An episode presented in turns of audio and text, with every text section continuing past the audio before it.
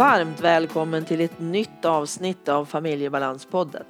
Avsnittet görs i samarbete med Comicap, hjälpmedelsföretaget som vill genom mötet med människor förmedla kunskap, väcka nyfikenhet och visa på behovet av kognitiva hjälpmedel och sinnesstimulerande produkter. Du hittar dem på comicap.se. Snart har Familjebalanspodden lyssnats till hundratusen gånger. Helt fantastiskt tycker jag. Tusen tack till dig som lyssnar och låt mig gärna höra vad du tycker. Vad du tycker är bra eller mindre bra. Har du något tips eller någon fråga? Något som du vill att jag ska ta upp? Skicka mig det. Avsnittets gäst är Jeanette Borg. Jurist med stor erfarenhet av skoljuridik. Vi pratar om den egna erfarenheten, om extra anpassningar, särskilt stöd, åtgärdsprogram och så en massa annat. Och sist i avsnittet så kommer boktipset. Ann-Katrin Noreliusson heter jag som driver den här podden. Jag arbetar med att förändra situationen för personer som har en eller flera NP-diagnoser. Det gör jag genom att coacha, handleda personalgrupper och föreläsa inom NPF. Vill du som arbetsgivare vara med och göra situationen optimal för dina anställda med eller utan MP-diagnos? Kontakta mig så berättar jag mer. Info familjebalans.se Välkommen in! Så lyssnar du på mig och Jeanette när vi pratar om skoljuridik.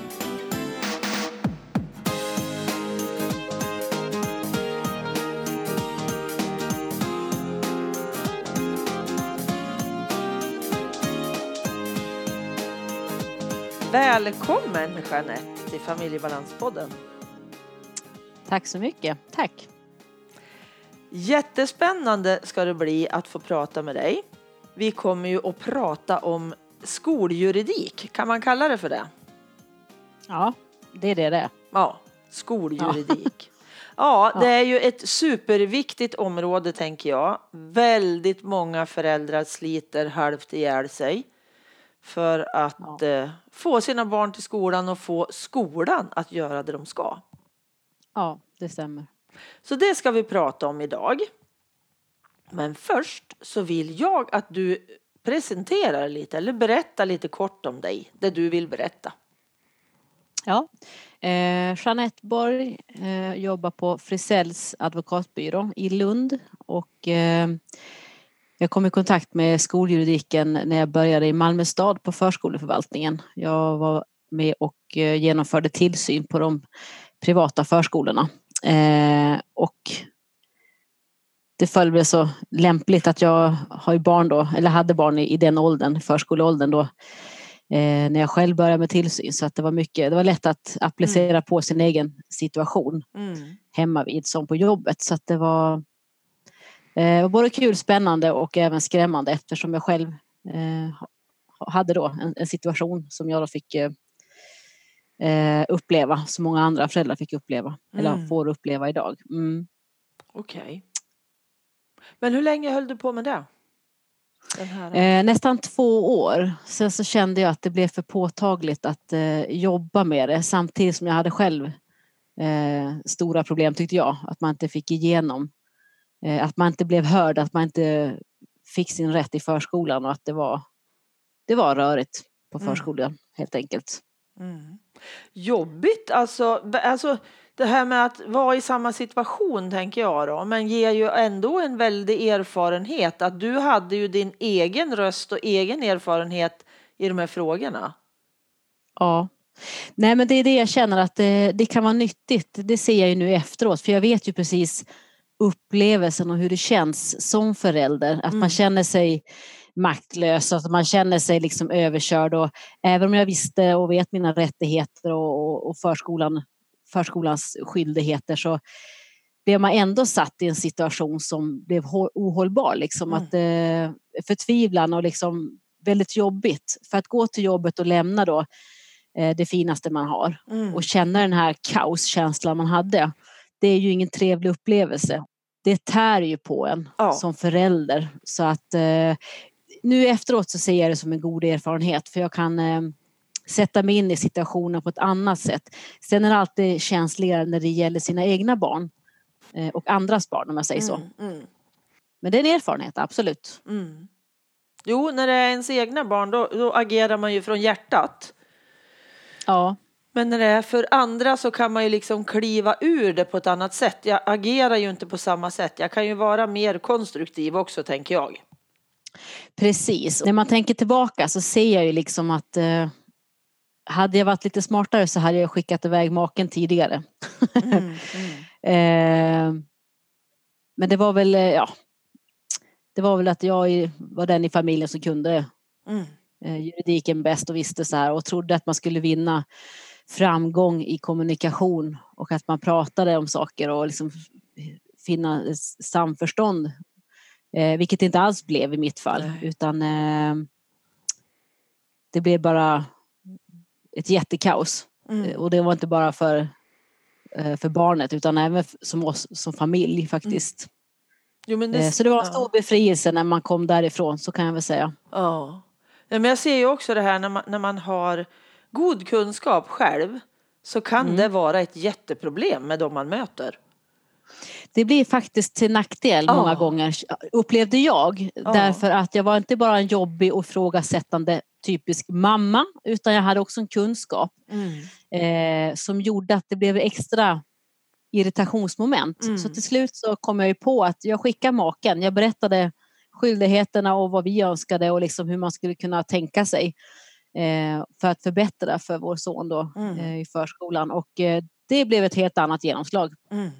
Så det kan vara ett tips att man den, eh, oftast blir det en bättre respons om det är pappan har jag fått för mig. Men jag vet inte, i vårt fall funkar det helt Mm. klart. Men jag tror att du tyvärr tänkte jag säga har rätt där också. Att Ja. för min man blir också mött på ett helt annat sätt än jag. Ja. ja han Så. fick ett helt annat genomslag. Ja. Eh, även om det inte blev fullt ut jättebra. Men det var ändå uthärdligt Mm. den sista tiden Mm. kan man säga på, på förskolan där. Så att, mm. Ja, du vet ju precis vad du pratar om nu tänker jag. Just det här med det du jobbar med nu Ja, gentemot skolan och, och hjälpa föräldrar och skolan tänker jag. För det handlar ju Ja. om båda delarna. Det är ju inte antingen eller. Nej, det, det är ju liksom skoljuridiken ett eh, litet och kort ord, men det innefattar ju så väldigt mycket. Det är ju dels eh, förskolan och skolans ansvar, men det är ju alla föräldrar och alla elever och vem, vem ansvarar för vad och vem, Mm. vil- vilka skyldigheter och allt det här liksom. Och, ehm, Så att, eh, ja, det, det, är ett, det är ett stort begrepp ska jag vilja säga. Det är jättestort och jättesvårt och jättejobbigt tänker jag. Som förälder Ja. när man inte kan alla de här delarna. Och vad är det som gäller? Ja, nej jag vet att eh, jag drev ju eget då eh, under ett eh, byrånamn som jag hade innan. Och där eh, tog jag ju alla, alla kunder som kom och det var både föräldrar och det var liksom eh, förskolor och skolor som vände sig till mig och, och behövde hjälp. Mm. Men det är ju så här att eh, oavsett kunskap och position så eh, har jag ju inte mandat att ändra själva eh, verksamheterna så att säga. Så att, eh, när det gäller privatpersoner så har jag mer eller mindre slutat att ta in dem som klienter och ta betalt. Mm. Eh, däremot kan jag alltid ge något gott råd. Att man har ett samtal och berättar lite grann för att det, det man får göra, det är jag brukar kalla instansordningen, men det finns det inget som heter utan det är eget hittepånamn. Mm. Men det är ju att man får ju vända sig först om man märker att, att barnet har vissa eh, svårigheter av något slag. Eh, vare sig det är förskola eller skola så får man vända sig till eh, läraren brukar man ju vända sig till eller den pedagog som är barnet närmast. Ja. Eh, och det har man ju oftast gjort och på, påtalat vissa eh, saker. Och får man inte gehör där så går man ju till nästa instans, det vill säga rektor eller förskolechef. Mm. Eh, och där får man ingen gehör där heller om inte de liksom vill lyssna. Eh, så kan man ju alltid vända sig uppåt till förvaltningsnivå. Mm. Oftast är det väl att förvaltningsnivån är i linje med rektor och förskolechef. Så man vinner kanske inte så jättestor framgång alla gånger. Eh, och då är det skolinspektionsanmälan man ska göra. Mm. Eh, och det kan ju kännas jobbigt att man förråder och att man, många föräldrar är väldigt oroliga att det ska bli några repressalier mot barnet Mm. eh, för att man gör en anmälan.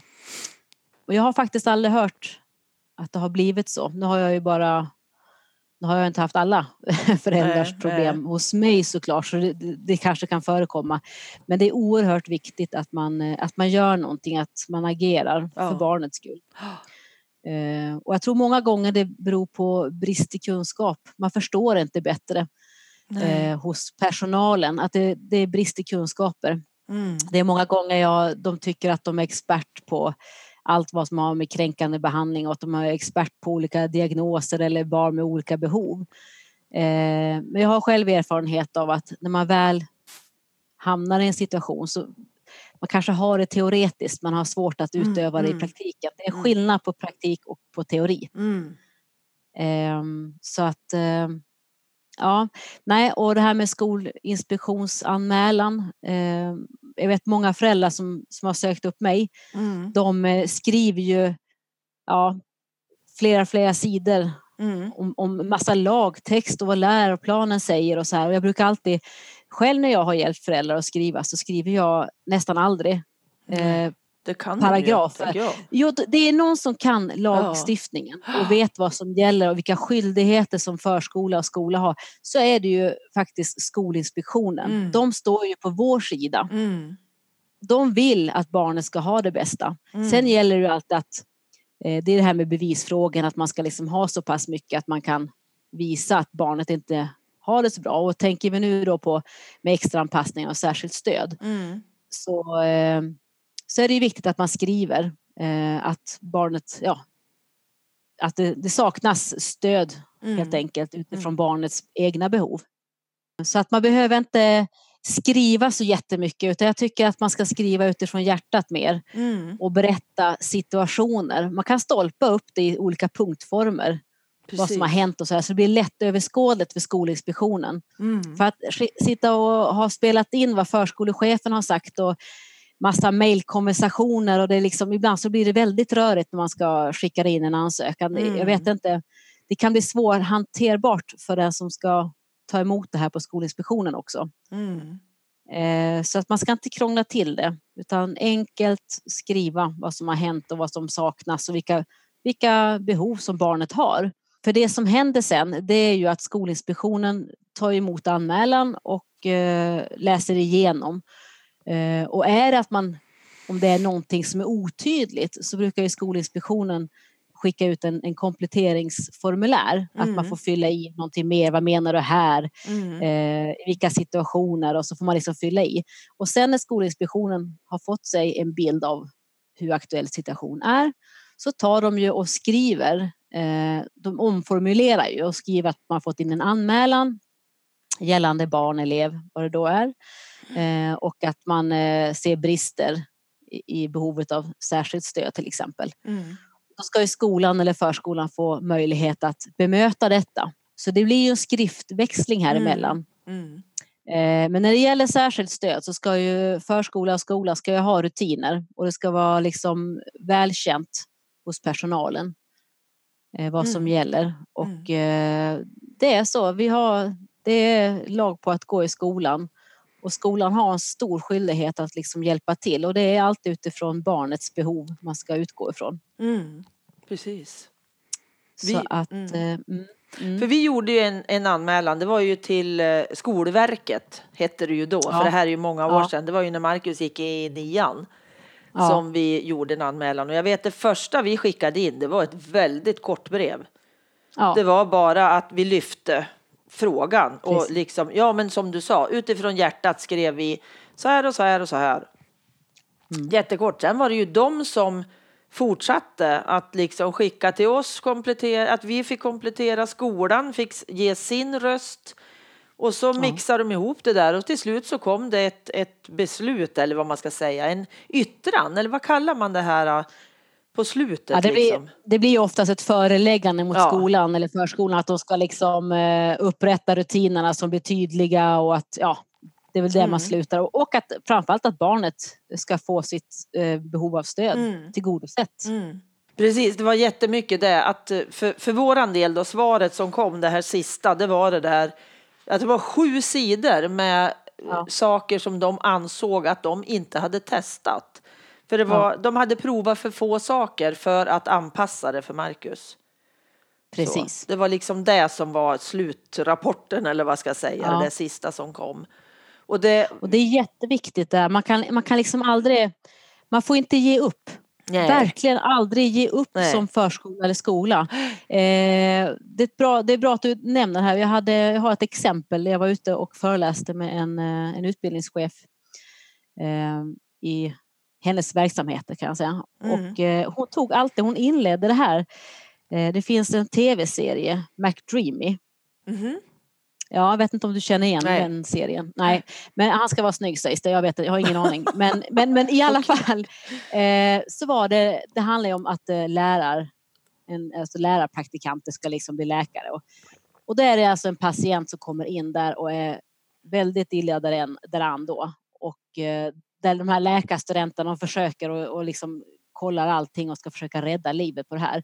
Och då kommer då till slut den här McDream in då som var chef där och fråga hur det går. Då säger de här lärarstudenterna att nej, vi är ledsen, vi har gjort allt. Och då säger McDreamy, men har ni skärt av huvudet då? Ja. Och de bara, nej men det kan vi ju inte göra, men han ska ju ändå dö. Okay. Då har ni inte provat allt. Nej, nej. Det är lite, nu är det så himla extremt, ja, ja. det här var ju tv-serie så får man ju tänka på. Men mm. jag bara menar att man kan inte ge upp ett barn. Utan nej. det är ju någonting man måste hela tiden prova. Mm. Och jag tycker ibland så behövs det inte så mycket eh, för att barnet faktiskt ska få en väl fungerande skolgång.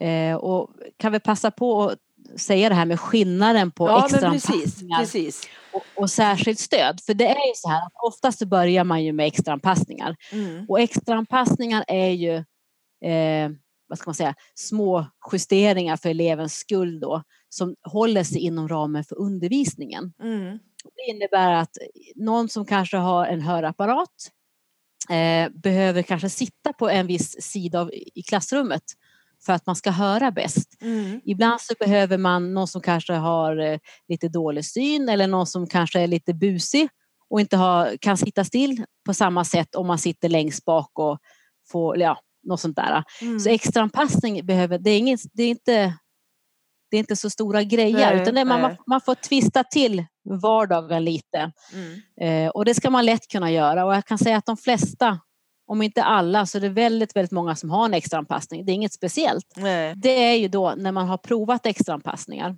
först mm. och inser att det, det, det, räcker inte för att eleven ska kunna tillgodose sig sin eh, undervisning. Nej. Då går man vidare och eh, gör en kartläggning på barnet. Eh, oftast är det specialpedagogerna som kommer in och ser hur barnet fungerar. Dels som individ men även i grupp mm. och även på skolenhet så att säga. Vad betyder skolenhet? Alltså hela skolan, hur eleven ja, ja. Matsal och hela faderuttan? Ja, liksom. precis. För då, ja. ska man integreras. Matsal, gymnastik, ibland kan det vara att det ja. överlappar varandra. Eh, så att man får, man får ta hänsyn till, eh, till alla aspekter. Och där tänker jag att det som är viktigt att tänka på när det gäller en kartläggning, det är inte att bara hitta massa fel om man säger. Nej. Utan det är oerhört viktigt mm. att man även tittar på vad fungerar för eleven. Mm. För det är så, det som funkar, det är det man ska försöka få det som funkar mindre bra mm. till att övergå. Att, finns det någonting vi kan göra för eleven för att det mm. ska gå lika bra i det ämnet ja. eller i den situationen? Men exakt. Och när det gäller, ja, och när det, gäller då det här med särskilt stöd så då går man alltid vidare och, då, och efter kartläggningen så ska man göra en analys då av kartläggningen. Och det ska alltid utmynna i ett åtgärdsprogram, vare sig det blir beviljat särskilt stöd eller inte. Mm. Eh, och det här åtgärdsprogrammet kan man ju då såklart överklaga inom tre veckors tid.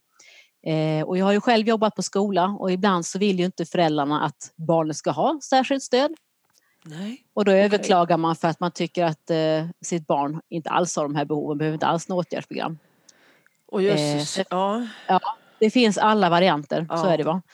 Eh, eller så blir det att man inte får det här med, med särskilt stöd. Man anser att eh, analysen och kartläggningen menar på att eleven det klarar sig med extra anpassningarna. Och då kan man överklaga och framhålla att nej, det här, Ja.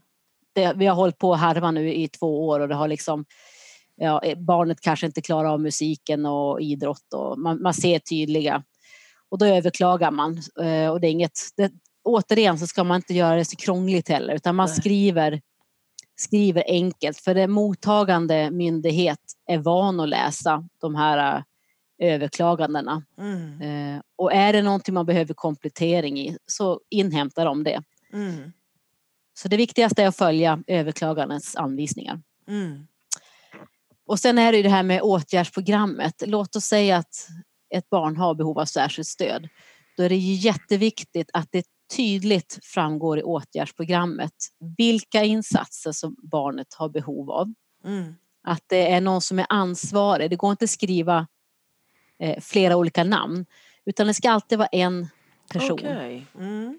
som är ansvarig och även ansvarig att det är någon som har för utvärdering och uppföljning. Okej. Och jag brukar säga många sätter sex, åtta veckor till en utvärdering och uppföljning. Och där vill jag säga, det beror på. För Mm. ibland så behöver man kortare avstämningar. Och det Mm. kan vara inledningsvis. Det är inte okej när skolorna låter en hel termin gå. Nej. Det är fruktansvärt. Utan då, gäller det, då är det Mm. bättre att ha varannan vecka uppföljning. Mm. Mm. Man ser ganska snabbt vad som funkar Mm. med, med stödet man har fått. Mm. Och funkar det inte, då tar vi den här McDreamy igen. Mm. Då provar man något nytt. Mm. Och ibland kan man kanske kombinera särskilt stöd med några extra anpassningar för att Mm. det ska fungera. Mm. Men det är oerhört viktigt att man, har, eh, att man utgår från elevens behov. Och det jag brukar, när jag håller föreläsningar, det vill jag också vara tydlig med att det, det krävs ingen diagnos på barnet. Eh, det är många föräldrar som springer till psykologer och läkare och vill gärna ha en diagnos på barnet för man tycker att det är lättare i skolan. Mm. Jag är själv i samma situation. Vi har ingenting på papper, men då har vi ju en stridslysten mamma då, eller hur? Ann-Katrin? Yes! Ja, nej, och jag menar att eh, självklart så ska man ju göra utredningar på de barnen där man, för det, det är till en hjälp Mm. såklart, att man, hur man ska bemöta barnet och hur man ska förhålla sig. Man behöver en bruksanvisning, tänker jag. Ja, ja, det hade jag önskat. Jag har letat, eh, min Mm. första son letade jag överallt Mm. på kroppen. Jag hittade ingen bruksanvisning på honom.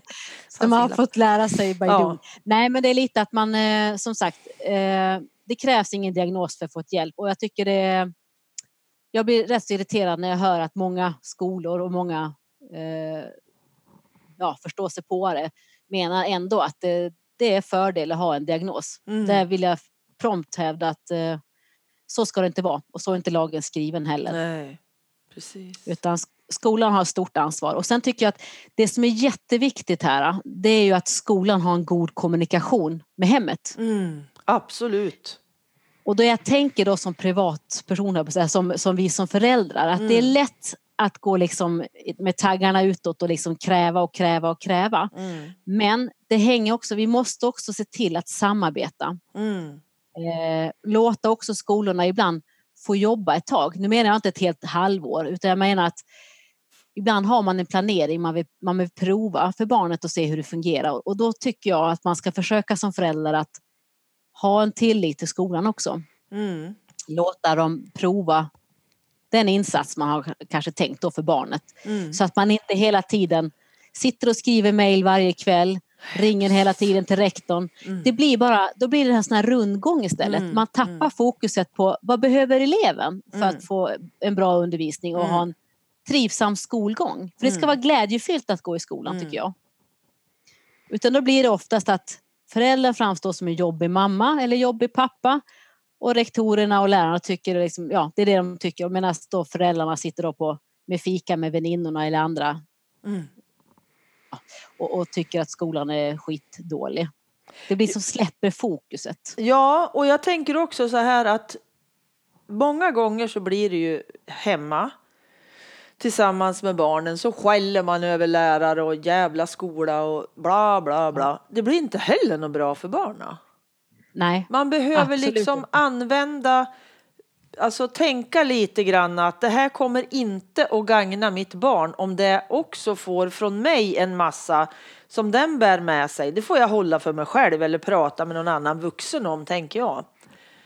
det är jätteviktigt att man, precis som du säger, eh, det är skillnad på att vara barn och vara vuxen. Ja. Man ska alltid ha, lämna en god bild och ha liksom en positiv inställning till, till verksamheten. Det Mm. gäller både förskola och skola. Mm. Så att barnet känner att vi, vi som föräldrar har stor tillit Mm. till verksamheten och liksom tänker att det är absolut det bästa och att det, det kommer bli bra. Man ska vara positiv. Och sen precis som du säger, har man då problem så får man ta det någon annanstans men inte ta det med barnet. Sen Nej. är det ju så när barnen blir äldre, det, det är rätt så skönt för då kan de förklara själv att Ja. eh, jag, jag, vill ha, jag vill att man ska göra så här eller det Mm. var tråkigt därför att.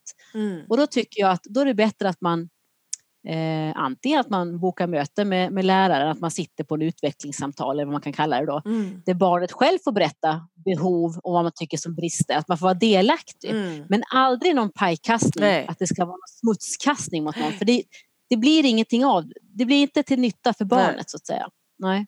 Och det här tänker jag, det utesluter inte att jag har förståelse för mitt barn. Att jag lyssnar på barnet och jag kan bekräfta att jag hör att det här är jättejobbigt för dig.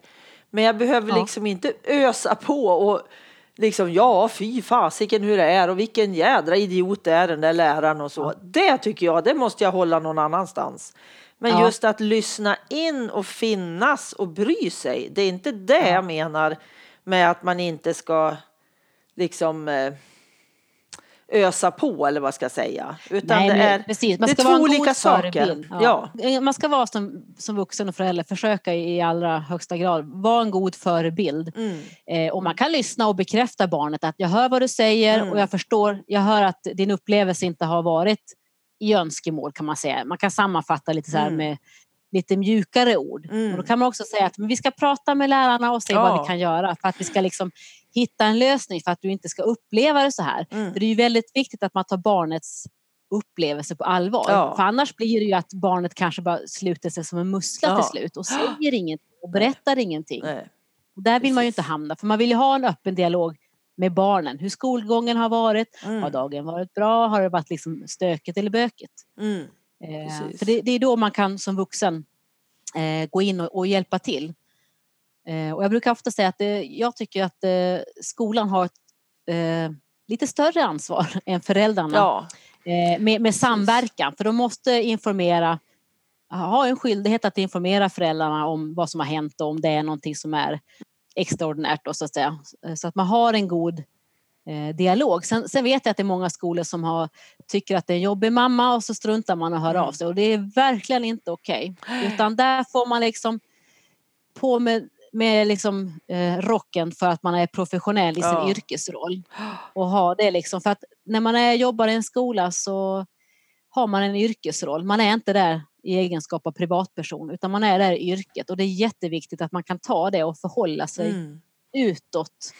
Framförallt till föräldrar och elever då på det Mm. sättet att man, man har ett ansvar att man tar det.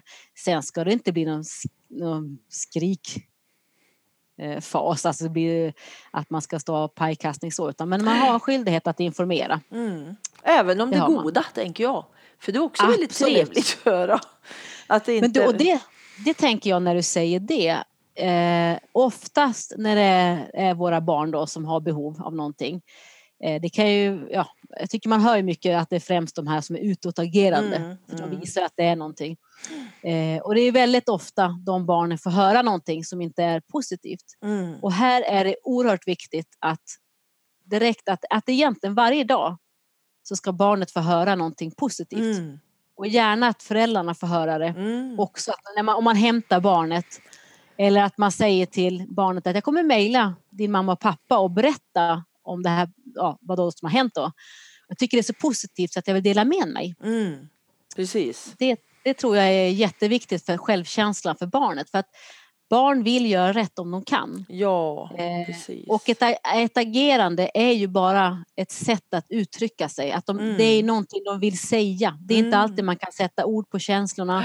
Det är inte alltid man kan agera därefter. Utan ett utåtagerande förhållningssätt kan vara att man, ja, man söker kontakt men man vet inte hur man ska söka den kontakten och hur Nej. man ska börja alltså leka en lek eller vad det kan vara. precis. Så det, det är oftast andra faktorer och där är det jätteviktigt att man lyssnar in barnet och ser vad, det, vad, vad säger barnet egentligen. Precis. Jätte, jätte, jätte, jätte, jätte, jätteviktigt säger jag då. Så, Ja. nu ska jag bara tjuvtitta här lite. Jo, vi, du nämnde lite grann runt läroplaner och skollagar och så, att man, det behöver man inte skriva i, i anmälan till Nej. Skolinspektionen. Men jag tänker överlag, måste vi kunna det, vi, vi vad heter det, föräldrar är? Alltså skollagar och allt, vad fasiken det heter. Måste vi ha allt sånt i en bok hemma som vi har med oss i fickan när vi går och har möte på skolan? Eller hur ska vi vara då? Nej, alltså vi föräldrar ska vara vi föräldrar. Mm. Eh, skolan däremot har en skyldighet att kunna skollagen och läroplanen. De har, de har den skyldigheten och det ska liksom vara lättillgängligt att få tag på läroplanen till exempel för lärare och förskolelärare och så. Eh, men inte vi som privatperson så att säga. Eh, och jag tycker, men det blir lite så här att när man då när man har, stöter på ett ska vi säga, problem i förskola eller skola, Mm. när man inte, alltså när de inte lyssnar på vad det är man säger, då blir det ju gärna att man sätter sig och läser och man, Mm. vi lever ju ändå ett, eh, ett informationssamhälle, det är lätt att komma åt information idag så att man blir lite så här eh, hobbyjurist. Ja. Sen är det ju så här att tolkningen som görs därefter kanske inte alltid är korrekt som förälder, därför man inte har, men just det här med särskilt stöd till exempel, då, då står det ju tydligt att skolan ska ha ett ansvar, att det ska liksom göras en utredning och upprätta ett åtgärdsprogram och sådär. Mm. Eh, men eh, man, man, egentligen ska man inte behöva eh, ha dem, alltså skollagen hemma. Det Nej. ska man inte. Nej. Utan skolan ska kunna lagarna och så kunna applicera på det i verkligheten. Mm. Mm. Precis. Ja, då behöver jag inte köpa någon sån. Nej, det tycker jag inte. Nej, men det Nej, mesta jag- hittar man ju på nätet också idag egentligen. Men mycket tycker jag är svårt att begripa. Jag har ju svårt Jo, där men det, alltså. så är det ju. Det, det är därför att eh, jag tänker dels med termerna, begreppen Mm, man använder sig mm. av. Eh, att det är liksom ovana ord. Ja.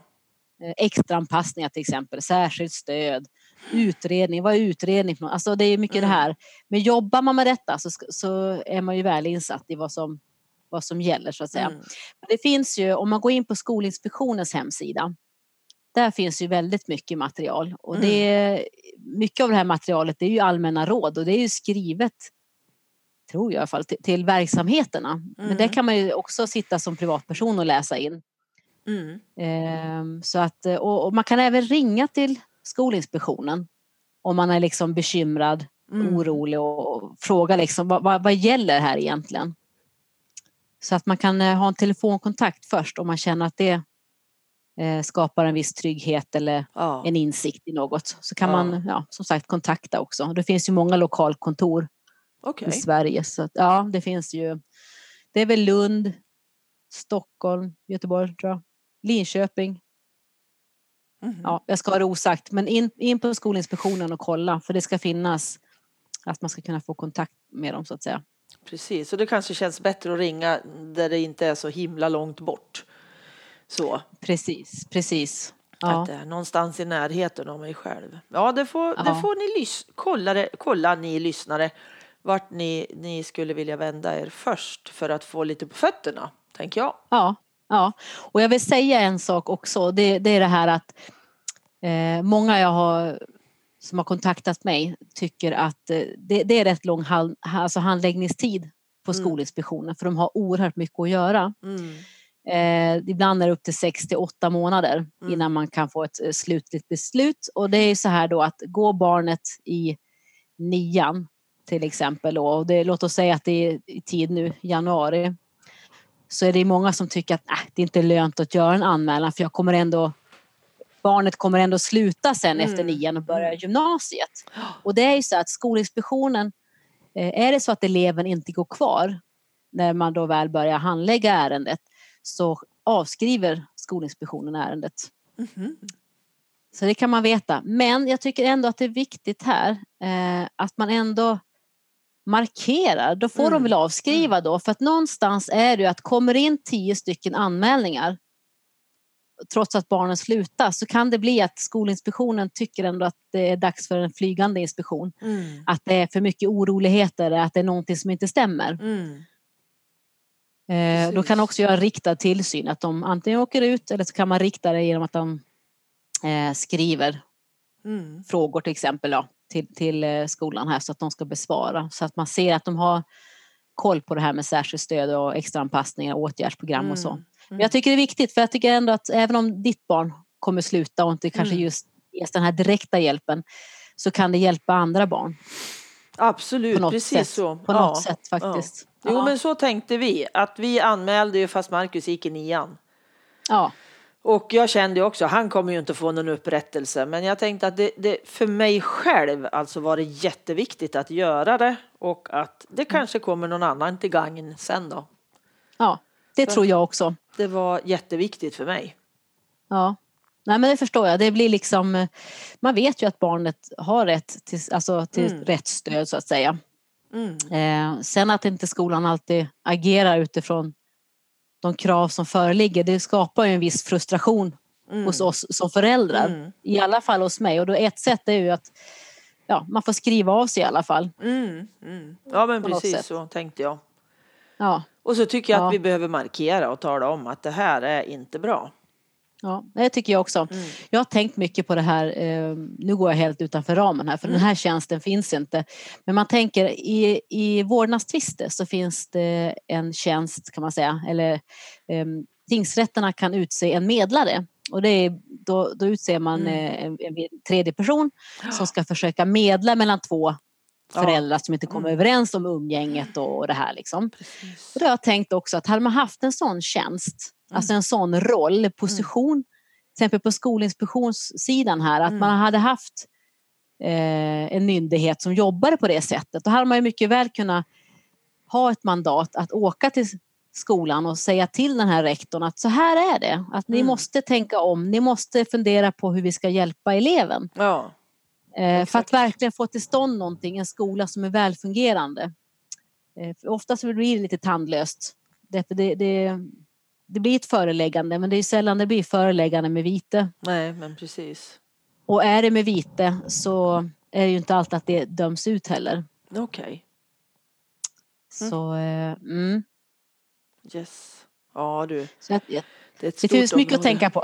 Ja, det är ett jätteområde. Alltså, vi skulle behöva flera vändor med det här. Men har du något mer du skulle vilja, som du känner att det här har vi ju inte tagit upp i alla fall?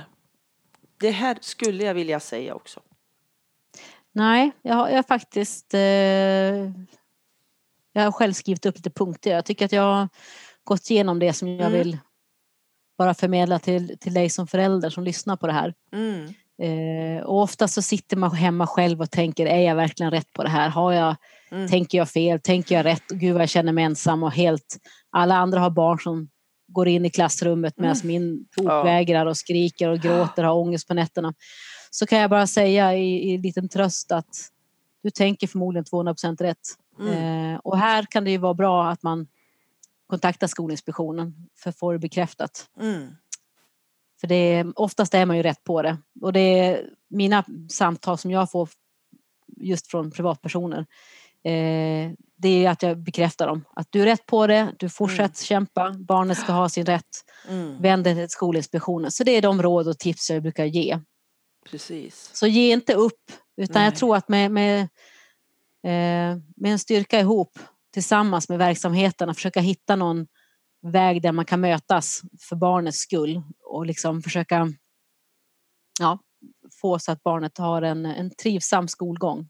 Exakt. Det är oerhört viktigt. Mm. Tusen tack Jeanette. Jag är jätteglad att jag har fått haft dig med och fått intervjua dig lite och du har berättat så himla bra och enkelt så att det här gick rakt in i mig. Tusen tack. Det har varit en ära att få vara med. Min första, men inte sista Nej. podding, så kan vi säga. Precis. Jättebra att jag fått lockat in dig i poddningens värld för den är väldigt rolig faktiskt. Ja, du har verkligen lyckats. Ja, det är så mycket intressanta människor som jag har fått prata med under de här åren när jag har hållit på så det är inte klokt. Och snart så är det ju hundratusen som har lyssnat, alltså inte personer utan lyssningar, nedladdningar, lyssningar eller vad man kallar det för. Så att Det är eh, det är jättehäftigt. Tusen tack Ja. Jeanette. Ha en jättebra Tack, dag så hörs Tack. vi. Ja, och detsamma. Vi håller kontakt. Ja, det gör vi. Bra. Tack. Hej då.